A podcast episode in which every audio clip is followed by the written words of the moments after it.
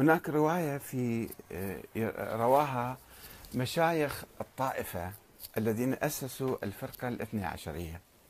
كما تعرفون الفرقة الاثنى عشرية تأسست فيما يسمى بعصر الغيبة الكبرى. يعني هناك الفرقة الاثنى عشرية تفترض وجود إمام ثاني عشر غائب وهو محمد بن الحسن العسكري. آه، وتقول هذا موجود حتى الآن ولد في منتصف القرن الثالث الهجري وإلى اليوم موجود في القرن الخامس عشر الهجري. آه، بناء على فرضيات وعلى نظريات وعلى أوهام في الحقيقة آه، وقالوا في البداية هناك سبعين سنة كان له وكلاء خاصين.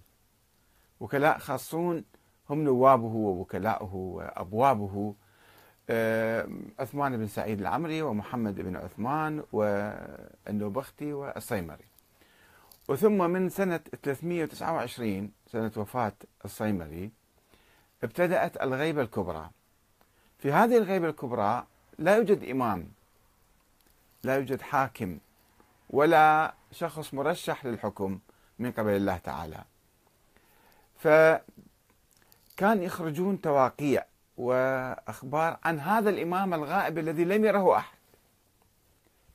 أنه آه، حول المرجعية وقيادة الشيعة وأيضا حول موضوع الخمس. هناك رواية مشهورة جدا ورواها الشيخ الصدوق في القرن الرابع ثم رواها الشيخ الطوسي في هذا الكتاب في كتاب الغيبة للطوسي. حول موضوع يعني أساس المرجعية وأيضا موضوع الخمس. هنقرأ هذه الرواية ونرى ما فيها من تناقض آه، اليوم. آه، فيها فقرة حول الرجوع إلى رواة حديثنا. الرجوع إلى يعني في المسائل الجديدة لأن الشيعة كانوا يحتاجون يسألون مسائل وإمام الإمام ما موجود. في زمن الأئمة كانوا يسألوهم ويجاوبون بعضهم كانوا يجاوبون بعضهم ما كانوا يجاوبون أيضا. آه، فقالوا ماذا نفعل الآن في المسائل الحادثة؟ قالوا فارجعوا فيها إلى رواة حديثنا. في نفس هذه الرواية طبعا طوروها بعدين صارت إلى المرجعية. المرجعية ما كانت هكذا ما كان في اجتهاد كان في رواة أحاديث وهم كثيرون رواة أحاديث يرجعون لهم ويتعرفون على الحكم الشرعي. الاجتهاد كان محرم في القرن الرابع عند الشيعة. ثم فتح باب الاجتهاد في القرن الخامس الهجري على يد الشيخ المفيد والسيد المرتضى والشيخ الطوسي. فتحوا باب الاجتهاد. آه، وتطور الاجتهاد وتطورت صلاحيات المجتهد تدريجيا في ظل نظرية التقية والانتظار. يعني التقية والانتظار هي نظرية أن في عصر الغيبة عصر غيبة الإمام الثاني عشر المعصوم المعين من قبل الله كما يفترض لا يجوز لأي أحد أن يقوم بثورة أو يشكل حكومة أو دولة. هذا عصر الظالمين. وفي هذا العصر يجب أن نلتزم بالتقية والجلوس وانتظار الإمام المهدي حتى يخرج. هذه نظرية الغيبة. في ظل هذه النظرية نشأت عندنا تدريجيا المرجعية. المرجعية الدينية بدأت يعني تأخذ بعض الأدوار القيادية. ثم آه، ومنها الخمس. ومن الخمس اللي كان في البداية سأقرأ لكم آراء العلماء السابقين الذين كانوا يحرمون الخمس أو يقولون لا ما لا ندري عفوا ما يحرمون. كانوا يقول لا ندري ما نفعل به هل هو واجب أو لا. آه ثم تطورت المرجعية. آه إلى نظرية ولاية الفقيه وإلى نظرية الدولة. الآن وصلنا إلى مرحلة أن إقامة الدولة والثورة ضد الظالمين وتشكيل الحكومة والدخول في الانتخابات والدستور والديمقراطية كلها صارت حلال. هذه كلها كانت محرمة سابقا. ومتناقضة مع نظرية الإمامة التي تشترط أن يكون الحاكم معصوما ومعين من قبل الله في شروط مثالية خيالية وهمية. المهم كانوا يشترطون هكذا. بعد ألف سنة من الغيبة 1200 سنة الشيعة وصلوا إلى نتيجة أنه لا يمكن أن نبقى بدون حكومة. ويجب أن نؤسس دولة وحكومة ونقوم بثورة ونقوم بمقاومة. قاموا بمقاومات وثورات. وأسسوا حكومات الآن. نحن نعيش في عصر جديد. عصر ديمقراطي يعني الإيمان بالديمقراطية. الإيمان بالشورى. الإيمان بأي حاكم يمكن ينتخبه ويصير حاكم علينا لا يشترط فيها أن يكون معصوم ومنصوص من الله ومن سلالة معينة. هذا تطور إيجابي جدا تطور مهم جدا. ولكن باقي عندنا المرجعية اللي في ظل نظرية الغيبة تطورت ونشأت وأفتت قبل قرنين ثلاثة بجواز أو بوجوب أخذ الخمس من الناس. والخمس واجب ولازم نأخذ الخمس من الناس وإحنا نوزعه. الآن وين يوزعوه؟ ما نعلم الله أعلم. آه ليس هذا هدفنا من البحث. إنما نقول هناك مرحلتان. مرحلة سابقة لا نؤمن فيها بقيام الدولة ومرحلة الآن نؤمن بالدولة وعندنا دول الآن. فهل المرجعية آه، هي يحق لها أن تستلم الخمس وتظل على حالها تقوم بهذه الأدوار أدوار شبه الدولة عندما كانت الدولة معطلة؟ هي كانت شبه دولة أم يجب أن تقوم بهذه الأعمال الدولة الآن الدولة هي تصدى لكل شيء آه، وعبر الدولة اللي إحنا آمنا بها والمرجعية آمنت بها أيضا بعد ما في محل للإعراب للمرجعية أن تقوم بأدوار كانت تقوم بها سابقا أنا هذه الرواية معروفة وهذا الكتاب كما قلت لكم صفحة 176 إلى صفحة 177 آه آه. أمامكم هذا الكتاب. كتاب الغيبة للشيخ الطوسي اللي يعتبر شيخ الطائفة الاثنى عشرية. آه يقول أخبرني جماعة آه هو يعرف الجماعة عن جعفر بن محمد بن قولويه. هذا عالم شيعي معروف وأبي غالب الزراري وغيرهما عن محمد بن يعقوب الكليني صاحب الكافي. عن إسحاق بن يعقوب. إسحاق بن يعقوب ما معروف من هذا الشخص مجهول. وما ما يوثقوه. علماء الرجال الشيعة ما يعرفوا واحد اسمه الكليني ينقل عن شخص اسمه إسحاق بن يعقوب. قال سألت محمد بن عثمان العمري رحمه الله أن يوصل لي كتابا. يوصل لي كتاب للإمام المهدي اللي هو نائب الثاني هذا يعتبر. قد سألت فيه مسائل أشكلت علي فورد التوقيع بخط مولانا صاحب الدار. فإجى التوقيع بخط الإمام المهدي الغائب اللي ما حد ما شافه ولا شاف خطه. كيف أنه عرف أنه هذا آه، خط مولانا صاحب الدار؟ عليه السلام. كيف؟ اللي ما حد ما شايف هذا الشخص. كيف عرفنا هذا خطه؟ هو محمد بن عثمان خمسين سنة كان يقول أنا نائب الإمام. خمسين سنة بقى. ورثها من أبوه. أبوه لمدة سنتين ومات. هو اجى خمسين سنة كان يدعي النيابة عن شخص لم يره أحد. هذا شيء عجيب غريب طبعا بالعالم وبالتاريخ. فالمهم كان يطلع كتب بخط يده يقول هذا خط الإمام صاحب الزمان.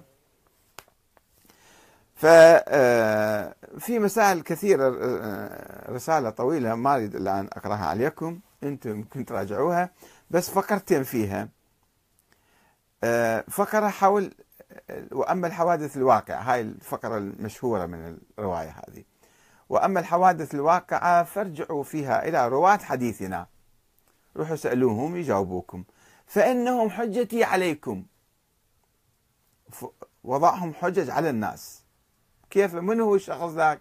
كيف من واحد شخص معين مجهول اللي هو إسحاق بن يعقوب ده يسوي لنا مؤسسة دينية. يفرضها على الناس وتصير هذه هي دين يعني وتقليد العلماء هو الدين بشخص واحد مجهول. هكذا نؤسس الدين يعني والمؤسسة الدينية. وأنا حجة الله عليكم أو عليهم في رواية أخرى. بعدين يجي وأما الخمس وأما الخمس نفس, نفس الرواية هذه. فقد أبيح لشيعتنا وجعلوا منه في حل إلى وقت ظهور أمرنا. يعني خلاص الخمس مو واجب. لتطيب ولادتهم ولا تخبط لأنه صار واجب. وهم أكلوا الخمس فراح يصير مشكال شرعي وإشكال في حتى في زواجهم وفي عقودهم وفي نسلهم وأما ندامة قوم قد شكوا في دين الله على ما وصلونا به فقد أقلنا من استقال ولا حاجة لنا في صلة الشاكين. طبعا في ناس كانوا يدفعوا فلوس إلى هذا محمد بن عثمان وبعدين من الشيعة ذيك الأيام قالوا هذا وين يودي الفلوس؟ من حقهم كانوا يشكون أنه هذا محمد بن عثمان دي يدعي النيابة. عن الإمام المهدي وهو دي يأخذ فلوسنا بال... الله أعلم كم كانت تلك الأموال ذيك الأيام وما نعرف وين يصرفها وين يوديها صدق كذب فيقول هو دي يكتب رسالة على لسان الإمام المهدي الغائب. وأما ندامة قوم قد شكوا في دين الله على ما وصلونا به. تونا فلوس وبعدين تندموا وقالوا هاي الفلوس وين تروح؟ فقد أقلنا من استقال اللي يتوب ويتندم يعني أقلناه. ولا حاجة لنا في صلة الشاكين. اللي يشك ليه يجيب لنا فلوس بعد؟ شوفوا شلون لهجة وشلون المنطق. على حال هذا أيضا ليس آه، موضوعنا. وحديث طويل هو في كتاب الغيبة للشيخ الطوسي. إذا هذا الحديث اللي عن شخص واحد مجهول إسحاق بن يعقوب يأسس لي نواة المرجعية. وأما الحوادث الواقعة فارجعوا فيها إلى رواة حديثنا. صارت بعدين المجتهدين صارت بعدين الأعلم صارت بعدين المرجع الفلاني. لازم كلنا إحنا نقلده ونعطيه فلوس ونعطيه الخمس. والخمس أيضا أحل أحلنا طبعا هذا نفس الشيخ الطوسي والشيخ المفيد آه، بحثوا موضوع الخمس في كتبهم كتبهم الفقهية. الخمس واجب مو واجب ما نعرف شنو حسب الروايات. لم يعتمدوا على هذه الرواية فقط. وإذا كان واجب المن نعطيه. من الذي يستلم الخمس؟ ما مو موجود إمام. وفي هذه الرواية أيضا لا تقول أبا أباحوا الخمس.